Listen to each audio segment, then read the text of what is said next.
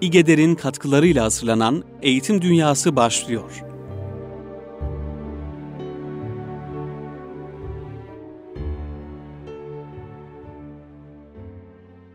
Merhabalar kıymetli Erkam Radyo dinleyenleri. Eğitim Dünyası programında yine sizlerle birlikteyiz. Kıymetli dinleyenler, bugün Necip Fazıl Kısakürek ve onun manevi eğitmeni, manevi öğretmeni, mürşidi Abdülhakim Arvasi ile ilgili olarak yazmış olduğu O ve Ben kitabından paylaşımlarda bulunacağız inşallah. Necip Fazıl Kısakürek burada onunla yaşadığı bazı hatıraları naklediyor. Ondan hangi hususlarda destek gördüğünü, onun kendi dünyasında ne ifade ettiğini bu burada ele aldığı bazı hatıralarla ortaya koyuyor. O ve Ben kitabında. Büyük zat. Cami girince sol tarafta yerden bir iki basamak yüksekliğinde, balkonumsu bir yerde, sarıklı, ilk bakışta esmer, beyaza yakın, kır ve uzun sakallı bir zat. Önünde kitabını koyduğu küçük bir yer masası. Etrafında dizüstü veya bağdaş kurup oturmuş bir küme insan. Aralarında geçip oturduk. Kısık, donuk, birdenbire ahengi anlaşılmayan peçeli zarflı bir ses. Fakat son derece tesirli, tane tane konuşuyor ve kelimeler cümle içinde yakından çekilip bütün sinema perdesini dolduran bir şekil gibi büyük bir hacme bürünüyor. Hem yakından kelimeleri hem de uzaktan cümleleri görüyorsunuz. Şive, şark Anadolu'su. Vapurda meçhul şahsın nas için dediği konuşma böyleyken gayet derin. Yüzüne bakıyorum. Birer hilal kavisiyle çatılmış, kabarık, ince, vezinli kaşlar, irice ve ahenkli bir burun. Yine ince dudaklar. Sünnete uygun şekilde fazlaca kırık bir bıyık ve uzun, çok uzun bir sakal. Sarığı kaşlarına yakın noktaya kadar indiği için alnı bütün açıklığıyla görünmüyor. Gözlerinden henüz bahsetmedim.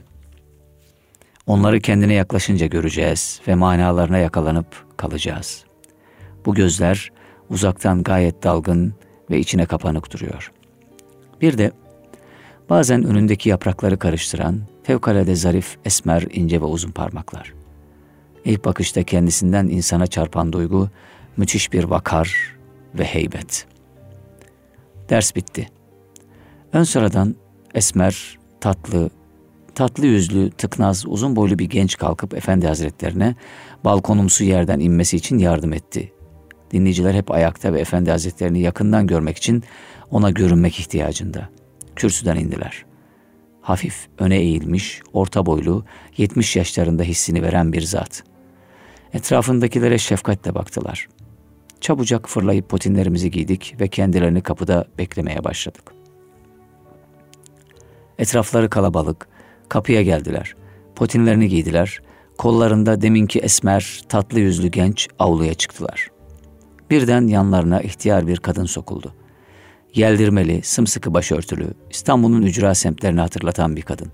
Kadın, dert yandı ve hastasının şifa bulması için dua istedi.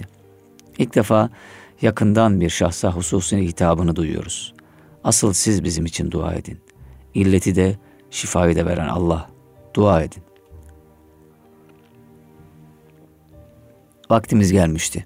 Yanlarına sokulduk. Başlarını kaldırıp o anlatılmaz gözlerini üzerimize diktiler. Ben atıldım.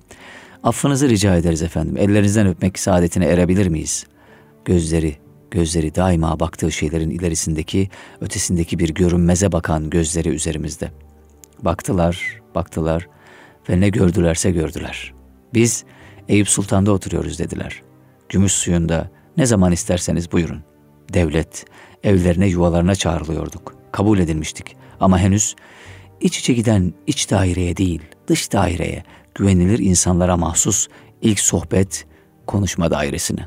Avluya, kim bilir uzandığım esmer, zarif ve incecik parmaklı eli bir can kurtarana yapışırcasına kapıp öptüm. Evet, Necip Fazıl'ın o derin anlatımıyla efendisini, öğretmenini dinliyoruz kıymetli dinleyenler. O günden kısa bir müddet sonra yahut biraz evvel Beylerbeyi'ndeki süslü odamda bir rüya görmüştüm diyor Necip Fazıl. Büyük, pek büyük bir amfi, binlerce insanı alacak büyüklükte. Amfinin sedlerinde, bükük kavisli masaların gerisinde nur yüzlü, binlerce sarıklı insan. Beyaz gül dizileri halinde sayısız sarık. En önde ve merkezde yine sarıklı ve nur üstü nur yüzlü biri. Ben kürsüde konuşuyorum. Ne dediğimi, ne söylediğimi bilmiyorum. Kelime üstü bir ahenkle konuşuyorum. Ellerimle de fikirlerimi noktalayan işaretler veriyorum. Sözüm bitti. Merkezdeki nur üstü nur yüzlü zat yerinden kalktı, yanıma geldi ve başımı iki eliyle kavrayıp kendisine çekti ve öptü. Bu rüyadan içimde tatlı, bayıltıcı tatlılıkta bir lezzet kalmıştı. Bu rüyaya bir mim koyunuz. Ona anlatacağım zaman ne cevap vereceğini göreceksiniz. Aradan haftalar geçti. Belalı kadınla uğraşmaktan başka işim yok. Cücelerin saçlarından tel tel bağladığı Gülüver'e benziyorum. Doğrulmak istiyorum fakat mümkün değil. Saçlarımdan tel tel yere bağlanmış, arka üstü toprağa çiviliyim. İlk aldığım adresin sahibini bulduktan, asıl adresi ondan aldıktan sonra da gevşemek. Olur mu? Oldu. Ruhuma kuvvet aradığım günlerden birinde ressam arkadaşı buldum. Haydi dedim, seninle bugün Eyüp'e gideceğiz. Üstün haberciye, onu yakından tanımaya. Kol kola verdik. Estetik bir gezinti olsun diye Eyüp vapuruna bindik. Eyüp'e çıktık. Büyük caminin önüne geldik ve sorduk. Abdülhakim Efendi Hazretleri ne tarafta oturuyorlar? Gümüş suyunda dediler. Orası ne tarafta? Adamın biri parmağını uzatıp köşede bir aktar dükkanını gösterdi. Şu dükkanın sahibinden sorunuz. Kendisine sık sık gidenlerdendir o. Ressam arkadaşla aynı isimde birkaç parmağı eksik dükkan sahibi alakamızdan gayet memnun anlattı. Caminin kenarından sağa dönün, Bahriye'ye doğru. Birkaç adım sonra mezarlığın içinden yukarıya merdivenli bir yol sapar. Pierre Loti kahvesine kadar gider bu yol. Çıkın çıkın tepeye kadar karşınıza gelecek ilk kapı, bahçe kapısı daima açık. Vaktiyle tekkeymiş orası. Mescidinden ve etrafındaki çatılarından anlayacaksınız. Halice bakan bir sed üstünde. Mezarların arasından çıktık, çıktık. Öyle diyor Necip Fazıl. O mezarların arasından yukarı doğru çıkıyorlar. Bir zaman gelecek ki kendi mezarını da orada göreceğiz. Öyle değil mi? Haliç ayağımızın altında bir kordela. Anlatılan yeri karşımızda olduğu gibi bulduk. Hafif aralık bahçe kapısını ittik ve girdik. Sıcak bir ilkbahar günü. İçeriye girer girmez karşılaştığımız orta yerde bir şadırvan, sağda Halice bakan sed ve üstünde heybetli bir mezar taşı. Solda mescit ve mescide bitişik ev. Sağda herhalde vaktiyle ayin yapmaya mahsus, şimdi boş, camları kırık, tek katlı büyük bir salon içinde bir salon şeklinde bir pavyon ve ona bağlı yine boş bir daire, şadırvanın üstünde bir hasır koltuk ve birkaç iskemle. Camideki esmer, tatlı yüzlü gençle karşılaştık ve kendimizi bildirdik. Esmer ve tatlı yüzlü genç, büyük bir zarafet, nezaket ve iyi kabul tavrıyla iskemleleri gösterdi. Buyurunuz, oturunuz efendim, şimdi gelirler ve kendisini takdim etti. İsmim Şakir, kendilerinin yakınıyım. Üç beş kelimelik sohbet, bir tıkırtı ve hareket. Soldan mescide bitişik ev tarafından Efendi Hazretleri geliyorlar. Koltuğa oturdular, bana ilk sualleri. Siz ne iş yapıyorsunuz? Necip Fazıl cevap veriyor. Bir bankada çalışıyorum. Muharrir ve şairim. İsmim Necip Fazıl. Ressam arkadaşa ya siz? Ressamım.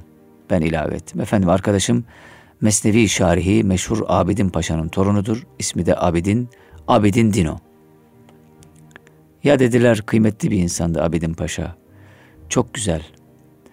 Üzerlerinde daima tercih ettiklerini sandığım renk olarak açık kül rengine çalan ince bir kumaştan bir pantolon ve setre uzunluğunda bir ceket. Kar gibi beyaz ve tertemiz bir gömlek. Başlarında takke. Ve o gözler, baktığı noktanın görünmezine bakan namütenahi derin gözler kestane rengiyle ela karışığı, içinde mavim tırak inci parıldayışları mı desem, ne desem. Sayısız terkipleri ve tonlarıyla renk, topyekün renk o gözler önünde daima yalan söyler. Fezanın gözleri onlar. Fezanın insanı bir tutuşta fezaya çeken gözleri. Rahmet gibi dipsiz, rahmet gibi sıcak, rahmet gibi diriltici. Bana sordular. Siz tasavvuftan bir şeyler biliyor musunuz? Okuduğunuz kitap oldu mu? Bahriye Mektebi'ndeki hatıramı anlattım. Semeratül Fuat ve Divan-ı Nakşi'yi söyledim. Son zamanlarda da karıştırdığım marifetname. Nakşi Divanı'nın kimin eseri olduğu sualine cevap veremedim. İşte ateşten harflerle beynimi dağlayarak söyledikleri ilk fikir. Bu iş kitapla olmaz. Akılla da varılmaz. Hiç yemeğin lezzeti çatal bıçakla aranıp bulunabilir mi? Ya siz ne okudunuz? Sualine karşı Abidin Dino, iyi Türkçe bilmediğini, kültürünün daha ziyade Fransızcaya bağlı olduğunu ve İslam tasavvufuna ait birkaç Fransızca kitap okuduğunu söyledi. Beka ile fenayı, beka, baka ve fana diye heceleyerek Fransızca bir kitabın, gördü, kitabın gördüğü ve gösterdiği oyuncak klişeleri sıraladı. Derin derin dinlediler. Beka ile fenayı ele aldılar ve kalbin bir mertebesine ait fenada o zaman istikamet, cihet diye bir şey kalmaz insanda buyurdular. Henüz idrakim işin şiirine ve dış estetiğine bağlı olarak insanoğlunda madde, mesafe, hacim, mekan emniyetini allak bullak eden bu oluş, ideal dünyanın şartlarından biri şeklindeki hayalimi öyle kavradı ki zaman ve mekan temasını kaybeder gibi oldum. Ve artık tek laf etmeksizin kendilerine mıhlandım. Konuştular. Şu veya bu vesileyle hep konuştular. O ahengi belirsiz, ağlamaklı ses ve rengi meçhul kucaklayıcı gözlerle konuştular. Belki üç, belki beş saat süren o günden, o günkü konuşmalardan hatırladığım yalnız bir ahenk çağlayanı. Başka hiçbir şey bilmiyorum. Sonra sonra seyrek de olsa dokuz yıl süren temaslarım içinde bahislerin hemen bütün köprü başlarını kelimesi kelimesine hatırlıyorum da o günden, o günkü konuşmalardan ben de kloroform tesiri gibi bir kendimden geçme hissinden başka bir şeyi hatırlamıyorum. Kaçta gitmiştik bilmiyorum. Öğle vakti miydi, ikindi miydi bilmiyorum. Çıktığımız zaman akşam olmuş. Karanlık bir seccade gibi Eyüp'ün üstüne atılmıştı. Evet, akşam Eyüp'ün üstüne bir seccade gibi bir hamlede düştü sandım. Evden çıkıp etrafıma bakınca akşamın farkına vardım da ondan. Sadece akşamın mı? Kendimin, nerede olduğumun, nereden gelip nereye gittiğimin de. Öylesine kendimden geçmiş bayılmıştım. Bu kelimelerin üstünde bir tesirdi. O ahengi belirsiz, ağlamaklı ses ve rengi meçhul, kucaklayıcı gözlerden bana bir şey geçmiş, ruhuma bir buğu yayılmış ve beni yere sermişti. Zaten bütün dava, irşat davası, erdiricilik de sanatı işte o şeyde, gerisi dedikodu. Evet efendim. Okudukça günümüz şairlerinden kimilerinin de o eriyişi hissetmelerini ne kadar arzu ediyor insan. O yere geçişi, o benlikten, o egoizmden sıyrılıp eşiğe, eşiğe doğru eğilişi, o erdirilişi istemek. Bunu bize çok görmeseler gerektir efendim. Necip Fazıl anlatımını sürdürüyor kıymetli dinleyenler. İki tarafı mezar, dar yoldan koşarcasına inerken o şeyin beni büsbütün kapladığını duyuyorum. Arkadaşım, nasipsiz arkadaşım da o an için benimkine yakın bir tesir altında kalmış olacak ki konuşmayı, anlatmayı, fikir kesip biçmeyi çok çirkin bulan bir sezişle susuyor ve başı önünde beni takip ediyordu. Abdülhakim Arvasi ile görüştükten sonraki haller değerli dinleyenler. Eyüp vapurunda karşı karşıya oturuncaya kadar sükutumuz ve kendi içimizde kalışımız devam etti. Nihayet Eyüp vapurunda belki de vapurun yegane iki yolcusu halinde karşı karşıya geçince gözlerimiz birdenbire kapışıverdi. Ne dersin? Müthiş. Konuşurken söylediğinden ilerisini belirten, bakarken baktığının ötesini işaret eden müthiş bir ermiş. Sus, müthiş, sus, izah etme. Ya o muazzam edep, kıpırdamadan, en küçük bir insiyakilik göstermeden, en basit başıboş hareketlerin en tabisine bile düşmeden her an en büyük bir huzur belirtici o heybet. Sus sus. Ve ellerimizde bize evde hediyele, hediye edilen Efendi Hazretlerinin Er Riyazetü Tasavvufiye isimli eserinden birer nüsha.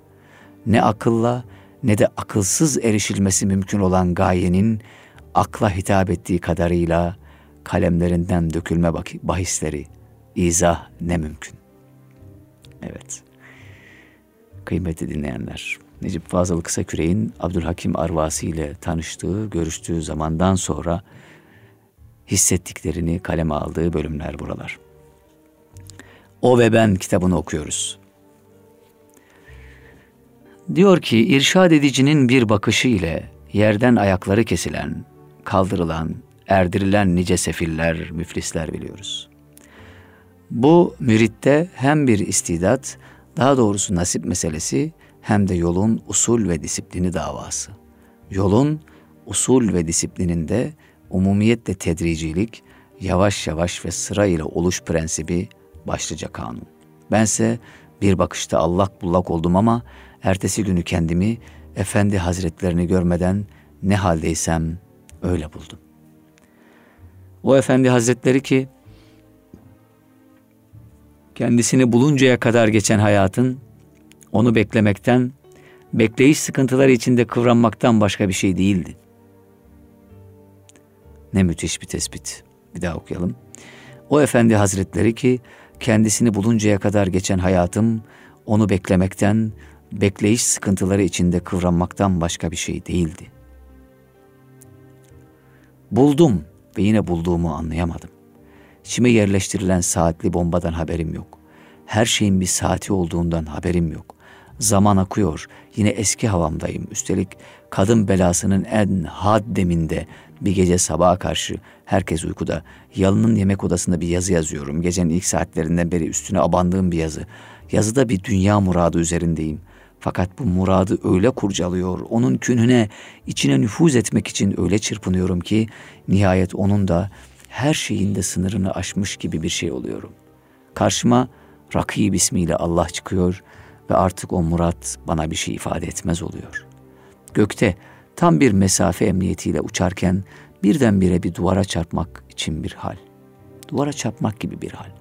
İnandığım dünya bir anda elimden çıkıveriyor ve ben kalemimi bırakıp dehşetler içinde başımı tutuyorum.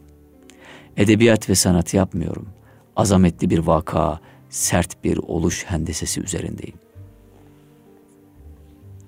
Tam o anda ensemde balyozla vurulmuş gibi bir ses duyuyorum.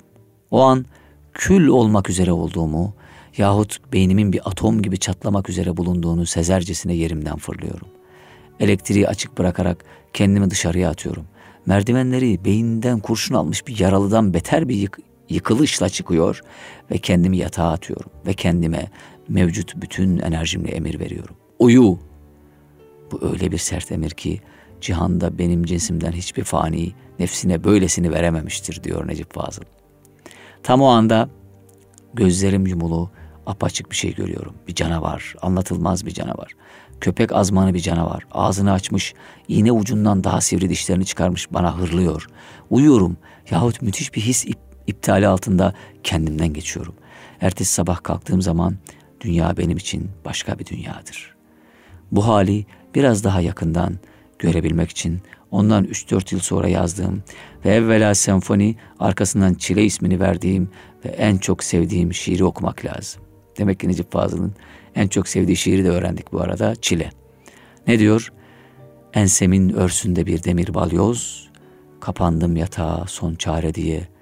Bir kanlı şafakta bana çil horoz, yepyeni bir dünya etti hediye. Efendi Hazretlerini tanıdıktan sonra ve bu halden evvel kendimi muazeneli sandığım demlerde gördüğüm başka bir rüya. Yalımıza giden iki taraflı aşık yolda gece karanlığında yürürken ağzımdan balon gibi şeffaf bir şey çıkıyor. Küçük bir balon. Ceviz büyüklüğünde. Derken elma derken ayva. Nihayet kafa büyüklüğünde. Balonu iki avucumun içinde tutup bakıyorum. Dehşet. Kafatasım. Kafamı da içi boş bir zar, neredeyse patlayacak bir zar halinde ve yerinde hissediyorum. Aman, buhran gecesi olduğu gibi bütün enerji mevcudumla onu kafatasımı yutuyor ve yerine iade ediyorum. Çile şiirindeki hayalin aynı ile vakası. Demek oradaki benim bulduğum bir teşbih değil, gördüğüm bir şeymiş. Kustum öz ağzımdan kafatasını böyle ifadeler geçiyordu o şiirde. Çıkmış mıydı aynı ile rüyam? Ondan dokuz yıl sonra büyük doğularda Tanrı kulu ismine neşrettiğim ve manen Efendi Hazretlerine ithaf ettiğim bir yazı. Her ne kadar sadece ilah manasına gelse de kaynağındaki putperestlik delaleti yüzünden sevmediğim Tanrı kulu adını ileride hikmet sahibinin kuluna çevirmek niyetiyle işte yazı diyor Necip Fazıl Kısakürek ve o yazıyı paylaşıyor.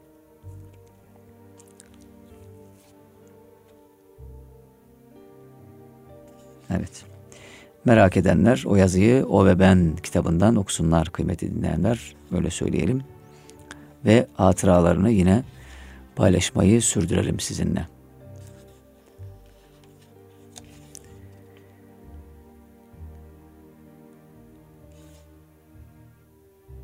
Bu büyük bir manevi buhran, metafizik kıvranış, yepyeni bir kuruluşa doğru temelinden sarsılıştı.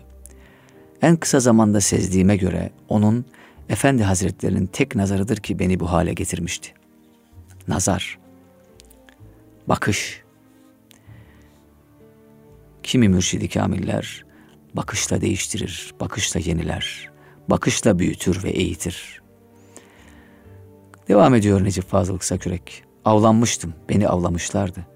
Adi sinir hastalıklarıyla yahut marazi ruhiyat kitaplarının çerçevelediği basit ve süfli ruh ihtilaçlarıyla alakası yoktu bu halin.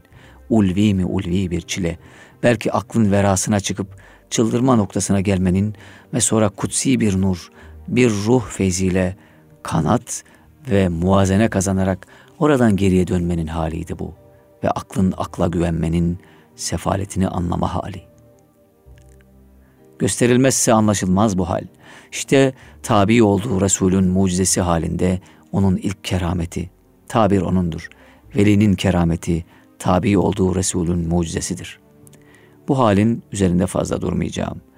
İlk oluşundan tam on, Efendimin vefatından bir yıl sonra aynı ile tekrarlanan hali dahası var. Allah ile aramda bırakalım ve yalnız dış perdelere bakalım. Marazi, marazı bir nimet olarak ondan aldığımı sezen ben, şifayı da tabii nimetin nimeti halinde ondan, onun yolundan aradım. Birkaç ay içinde sadece kemiklerimin ağırlığına kadar düşmüş ve üzerimde bir hiçbir et sıkleti kalmamış olarak kapısına dadandım. Artık feryadım şu, beni kurtarınız. Fakat ağzımdan halime ait tek kelime çıkmıyor. Kısa bir anlatış ve her şeyi kendisinden, Allah'ın lütfuyla kendisinden bekleyiş. Sık sık gelin buyurdular. Sohbeti, sohbet sizi açar. İnşallah feraha kavuşursunuz. Başka ne bir emir, ne bir öğüt, ne bir tedbir, ne de bir, ne de bir tatbik. 1934 yılının yazı, sonbaharı ve 1935'e devrettiği kış benim için nasıl bir azap çerçevesi. Ne anlatılır ne anlaşılır. İslam tefekkürünün kavrama, anlama manasına yakin mefhumu ile belirttiği üç derece var. İlmel yakin, öğrenerek anlama. Aynel yakin, bizzat görerek anlamak. Hakkal yakin, içine girerek, içinde eriyerek anlamak. Mesela Van Gölü'nü bilmek bir ilmel yakin anlayıştır. Yanına kadar gidip görmek aynel yakin. İçine girip boğulmak hakkal yakin. Halimi anlayabilmek için üçüncü soydan bir anlayış lazımdı. Bu da ancak bir velide bulunabilirdi.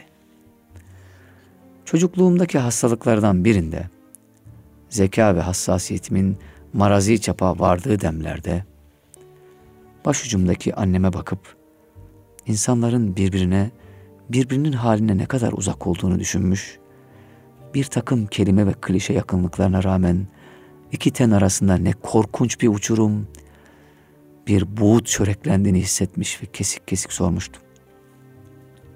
Anne, sen benim halimden anlıyor musun? Anlamaz mıyım evladım, bilmez miyim? Ne bileceksin anne? İçimde değilsin ki. Hasta olan benim.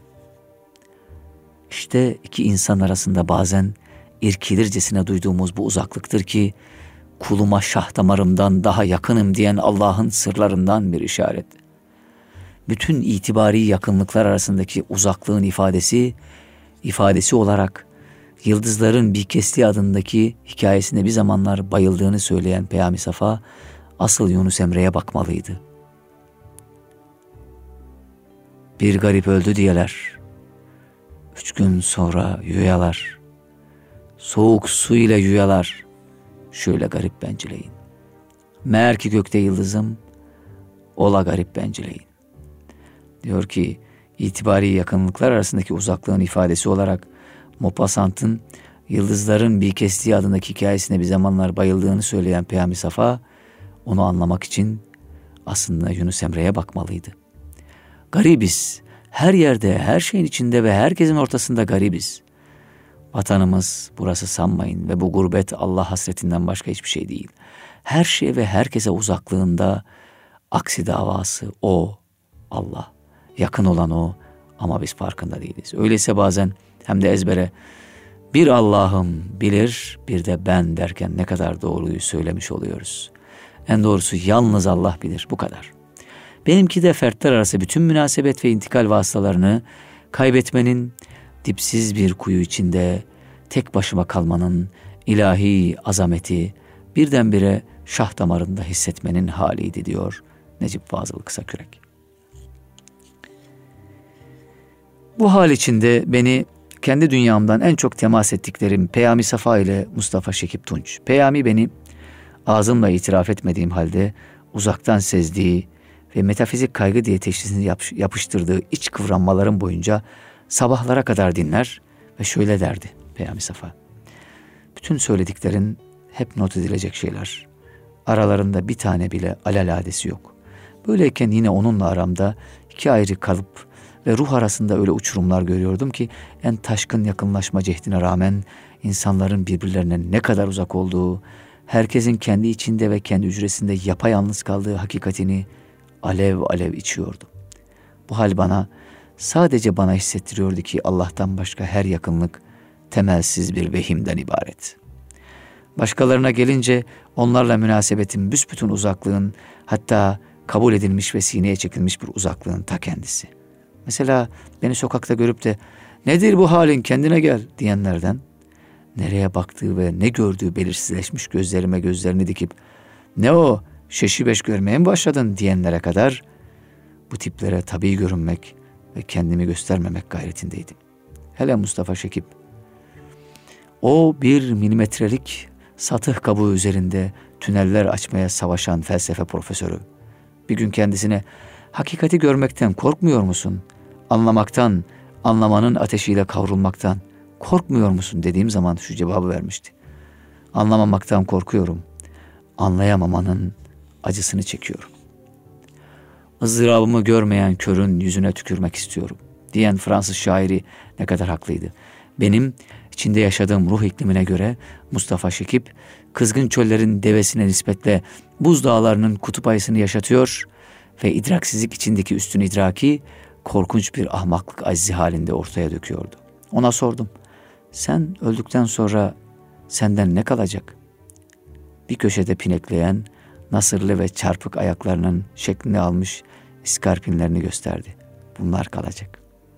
Ne kadar yalnızız. Ne kadar yalnızız. Pascal'ın dediği gibi yapayalnız ölürüz. İşte bu yalnızlığı kökünden giderici ve büyük visale erdirici yol. Onun ilk çilesi içindeyim diyor. Bir kapıya, bir beşiğe, bir eşiğe bende olan Necip Fazıl Kısakürek Abdülhakim Arvasi'nin eşiğinde hissettikleri ve hiçlikten hepliğe doğru gidiş ve yolculukları kıymeti dinleyenler. Evet efendim, bugün aradan sonra başka şeyler okuyayım, başka şeyler paylaşayım istemiştim ama o ve ben çok sardı. Oradan anılara, hatıralara devam edelim. Abdülhakim Arvasi ile ilgili onun kendi hayatında, dünyasında açtığı kapılarla ilgili Necip Fazıl'ın o nefis e, üslubuyla yürüyelim inşallah bugün. Eğitim Dünyası kısa bir aradan sonra yine burada devam edecek Erkam Radyo'da. Evet kıymetli dinleyenler Eğitim Dünyası programı devam ediyor. O ve Beni okuyoruz. Necip Fazıl Kısakürek, Abdülhakim Arvasi ile ilgili düşüncelerini, onun kendi dünyasında açtığı kapıları bir bir anlatıyor derin ve sarsıcı üslubuyla. İnsanları benzetişle değil, tam vaka olarak kendilerinden habersiz gidip gelen ölüler halinde görüyorum, diyor Necip Fazıl Kısakürek. Zamanı bir sinema filmine benzetiyor ve hareketleri perdeden değil, filmin üzerinden ve kesik kesik takip eder gibi haşyet içinde kalıyorum. Ayağımı bastığım noktada arzın kışırı çökecekmişçesine bir itinassızlık hissine düşüyorum. Kaderi düşünüyorum ne yapsam nihayet yapacağım tek bir şey olacağına ve o da alnımın yazısını belirteceğine göre onu bütün iradeleri aşan namütenahi bir kucaklayış kabul ediyor ve irademin yanmış bir kibrit gibi bükülüp büzüldüğünü duyuyorum. Daha anlatayım mı? Vazgeçin canım. Siz meccani bedahet duygularınızla yürümeye bakınız. Benden bedahet hissi kaldırılmıştı. 34 ve 1935 yılbaşı gecesi karşımda susturup devirdiğim bir radyo sabaha kadar nasıl ağladığımı ben bilirim. Nihayet 1935 baharı. Ankara'ya bir seyahat ve tekrar bankaya giriş ve hastalıktan kurtuluş. Bundan böyle gözlerinin pası silinmiş, üstündeki buğu alınmış ve ilk imtihandan geçirilmiş insan olarak efendimi aydınlık gözle görebilirim. Artık önümde tek yol Allah ve Resulü. İstanbul'a dönerken trenin tekerlekleri benim ağzımdan haykırıyor. Efendime gidiyorum, efendime gidiyorum. Nasıl bir tanımlamadır. Evet, kalbimde büyük buhran içinde sezemediğim bir halet.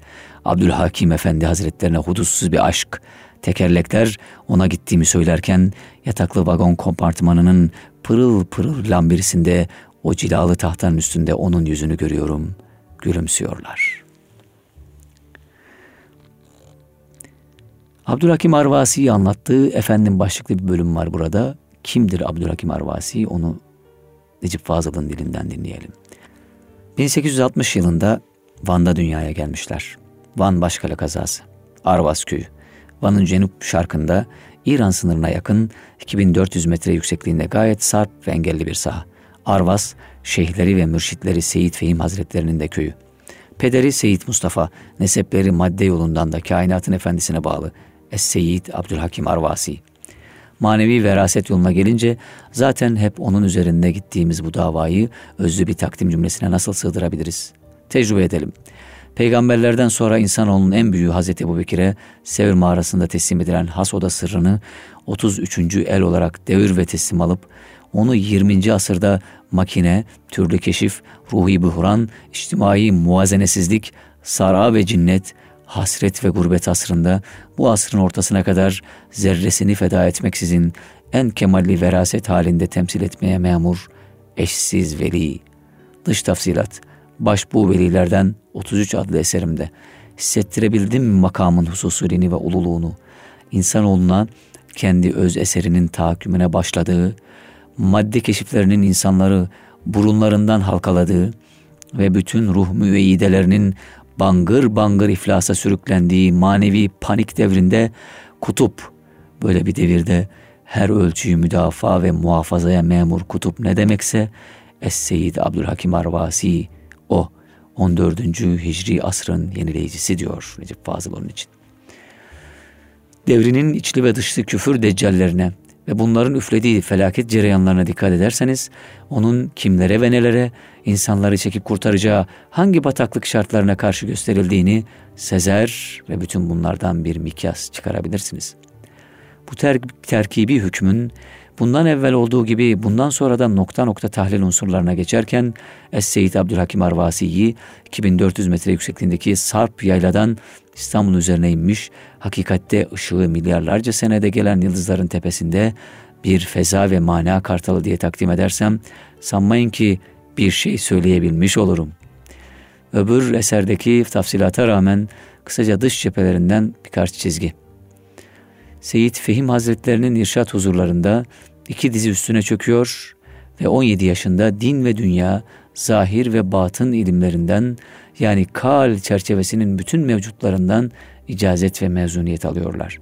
Yine aynı irşat içinden yolun Nakşi, Kadiri, Kübrevi, Sühreverdi, çeşitli kolları, ana cadde Nakşilik ve bunca kaal yükünün zarfı içinde fezayı alan bir hal, hal, hal, her şey halde.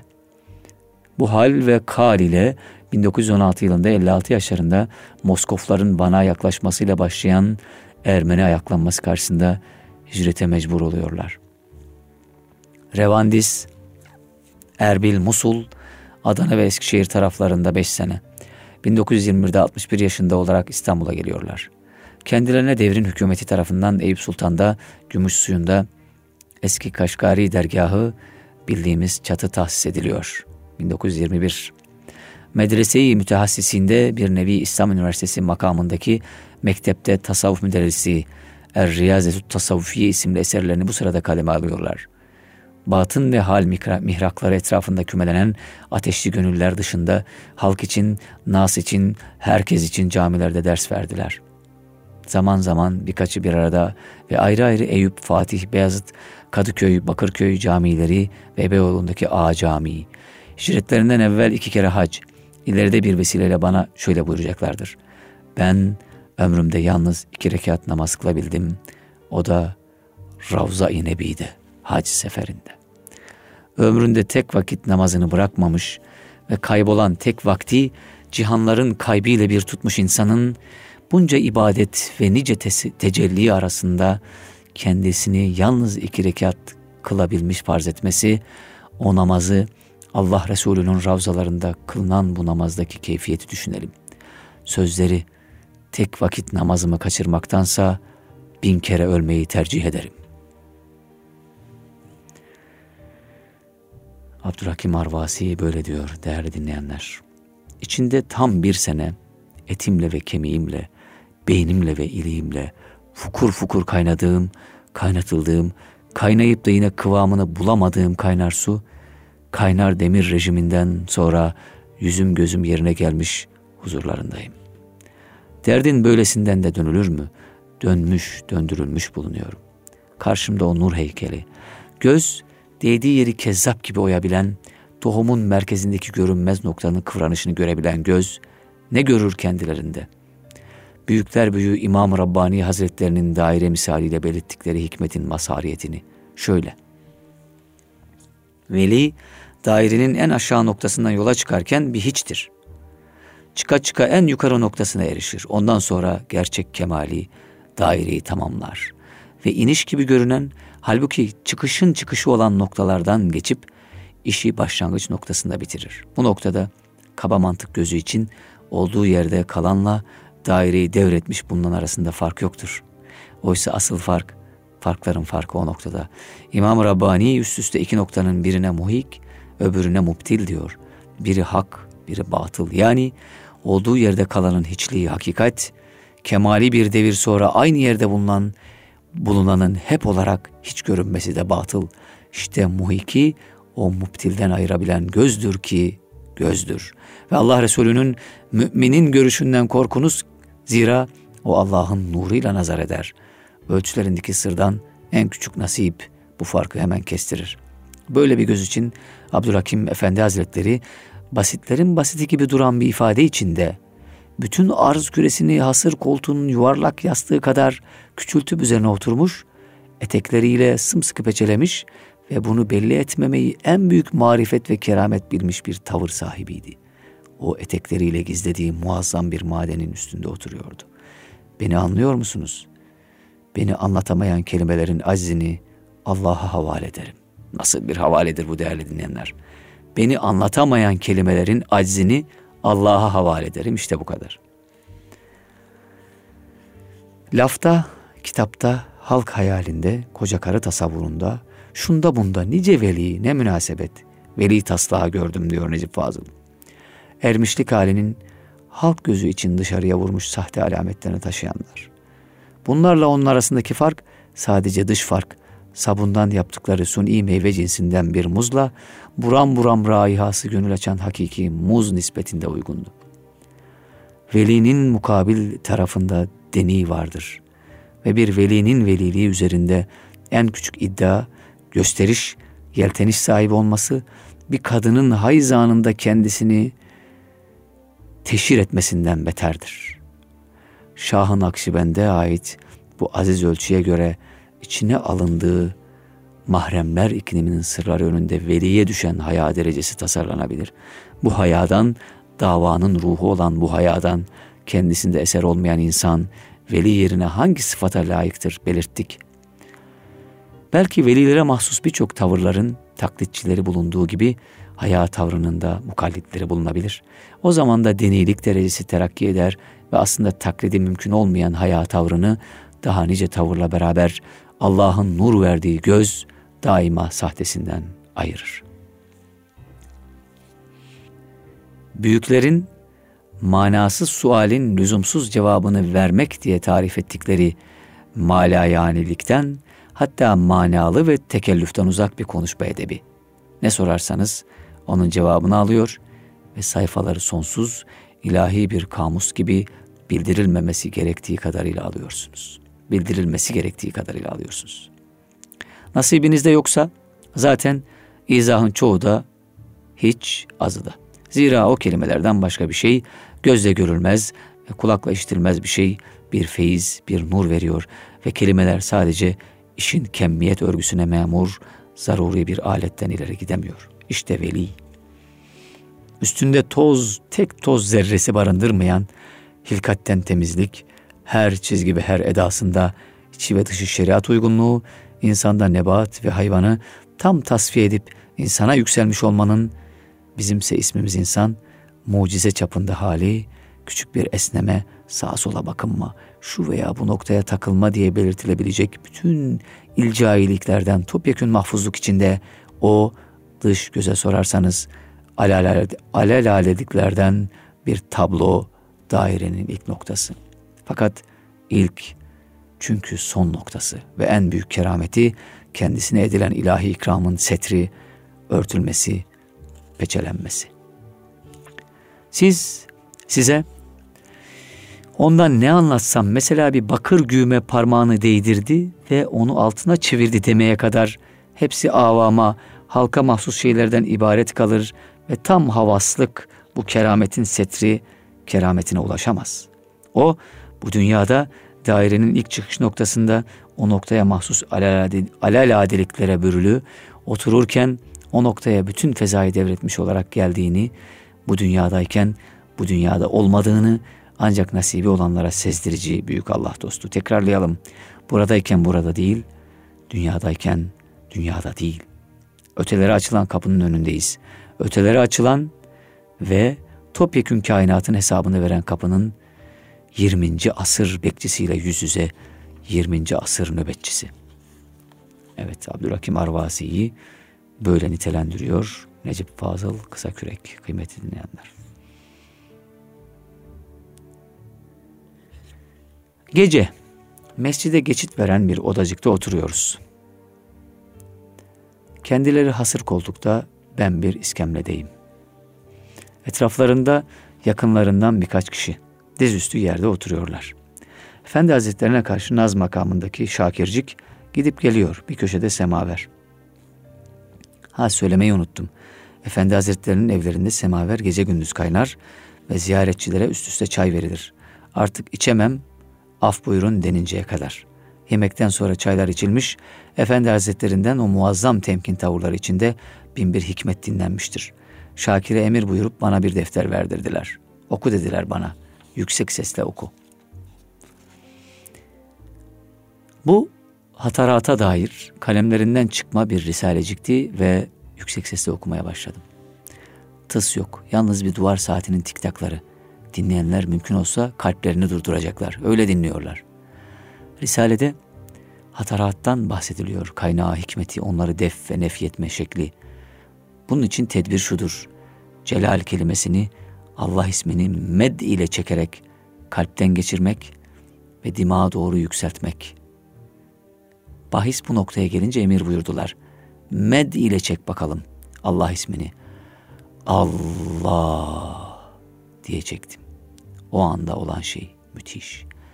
Ayak uçlarında oturan yakınlardan biri galiba Eyüp Sultan'daki aktar dükkanının sahibi o türlü sarsıldı ki kopacak kadar sıkılmış çamaşır gibi kendi üstünde birkaç kere burkuldu. Gözleri kaydı. Ağzından köpüğe benzer bir şekilde şey çıktı ve bir doktora teslim edilse birkaç günde ancak düzeltilebilecek bir hale düştü. Ben dondum. Herkes sakin. Kimse adamcağızın yüzüne bile bakmıyor. Hepsi doktorlarından emin. Efendi Hazretleri herkesten daha sakin ve telaşsız sadece adama ismiyle hitap ettiler. Abidin ve adam bir anda çözülüp kendine geldi.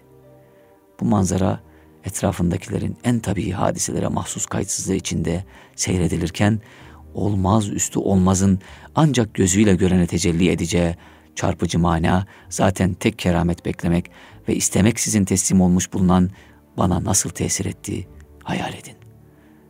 Bir müddet sonra içimden düşünüyorum. Şimdi ben gece yarısı mezarların arasından nasıl inip de gidebileceğim? Derhal haşmetli başlarını abidine çeviriyorlar ve diyorlar, Necip Fazıl Bey'i sen götürürsün, beraber gidersiniz. Efendi Hazretleri ile ilk arayışımda köşedeki aktar diye gösterdikleri ve bana yolu gösteren abidin ile kol kola mezarlıktan iniyoruz. Fatiha okuyalım, beklerler ve isterler diyor abidin. Okuyoruz. Mezar taşlarında tebessüm, gökte ay bedr halinde. Abidin elini uzatmış, Eyüp Camii'ne doğru bir noktayı gösteriyor. Bak bak şu ışık çizgisini görüyor musun? Evet evet nedir o? Adi ışıktan başka bir şey değil. Yani nur. İleride tabutu Efendi Hazretlerinin bulunduğu nur önünden geçerken ne haller geçireceğini göreceğiniz abidin nur içinde yatmaktadır. Gerçek keramet, kerametin gizlenmesidir. Bunun dışında tecelli edenler velinin irade ve ihtiyarıyla değildir. İlahi hikmet öyle gerektiriyor demektir. O vakitte veli bir genç kadar hicap duyar. Bu hikmet kılıf ve ruh, ruh bakımından elifi elifine kendilerinin. Abdülhakim Arvasi'ye ait. Bütün bunları görüyor ve duyuyordum da hala adam olamıyor. Önlerine diz çöküp beni ne yaparsanız yapın kapınızdan ayrılmıyorum ve hizmetçiniz olmaktan büyük şeref tanımıyorum diyemiyordum. Bu duygu benim bugünkü dövüşümdür, dövünüşümdür. Yoksa kapılarında kölelik isteseydim bana bu kapıda tövbenin tedrici olduğunu, yoluma ve nasibimin istikametine gitmemi ve her türlü ifrat ve mübalağadan kaçınmamı söyleyeceklerdi eminim. Ama suçum suçtur değişmez. En büyük kerameti onu örtmek olan velinin örtüsü altına kaçmayı, cücelerin hayatına veda etmeyi beceremiyordum. Evet. O ve beni insan okudukça okumak istiyor. Kıymeti dinleyenler Necip Fazıl'ın diliyle efendisinin, efendim dediği efendisinin hatıralarını dinlemek, o hatıralara dalıp gitmek çok kıymetli. O kıymetli vakti benimle paylaştığınız için teşekkür ediyorum Eğitim Dünyası programı dinleyicileri. İnşallah önümüzdeki programlarda yine nasip olur. O ve benden eğitimciler eğitimcisi diyelim, öğretmenler öğretmeni diyelim. Abdülhakim Arvasi'den hatıralar dinleriz Necip Fazıl'ın o güzel üslubundan. Okudukça kimi şairler geliyor insanın aklına, kimi şairlerin ortaya koydukları güzel eserler, belki benlikten, benliğin ötesinden gelen o güzel şiirler, güzel ifadeler, derin belagat. Ama hepsinin ötesinde bir efendiye bende oluş, asıl kaynağı buluş, asıl sükutu, asıl sözü buluş. Hep o duayla, hep o emelle, o arzuyla o insanların şiirlerini okuyuş. Belki kim bilir bir zaman çok severek okuduğumuz, şiirleriyle mest olduğumuz İsmet Özel'in efendim dediği birisi çıkar karşısına ve o efendime bende olur ve orada nice kapıların açıldığını görür diye dua etmekteyiz. Bu geldi aklımdan, içimden bu dua geldi ve bunu paylaşmak istedim. Bu duayı da gizlemek istemedim kıymeti dinleyenler. Haftaya Eğitim Dünyası'nın programında yine birlikte olmak isteriz sizlerle. İnşallah e, eğitim dünyasında eğitimin yeni başladığı bir dönem içerisindeyiz. 2014-2015 eğitim yılı içerisindeyiz. Bütün öğretmenlere, bütün öğrencilere hayırlı olmasını temenni ediyoruz. İstanbul Gönüllü Eğitimciler Derneği olarak, İGEDER olarak haftaya inşallah bir konuğumuzla yeni eğitim öğretim yılı içerisinde değişen şeyleri, gelişen şeyleri, gelişen teknik ve metotları, efendim e, yeni uygulamaları konuşuruz. Bu yeni uygulamalar içerisinde sizlere e, eğitim yeni eğitim öğretim yılında dikkat edilmesi gereken hususları hatırlatırız. Öğrencilere davranışlar, öğretmenlerin e, arzuları, istekleri, yeni eğitim öğretim yılında milli eğitimden bekledikleri, insanlarımızın öğretmenden bekledikleri hepsi bunların konuşulması gereken hususiyetler. Önümüzdeki hafta bunları masaya yatırırız diye düşünüyorum. İnşallah haftaya yine aynı saatte buluşmak dileğiyle Allah'a emanet olun.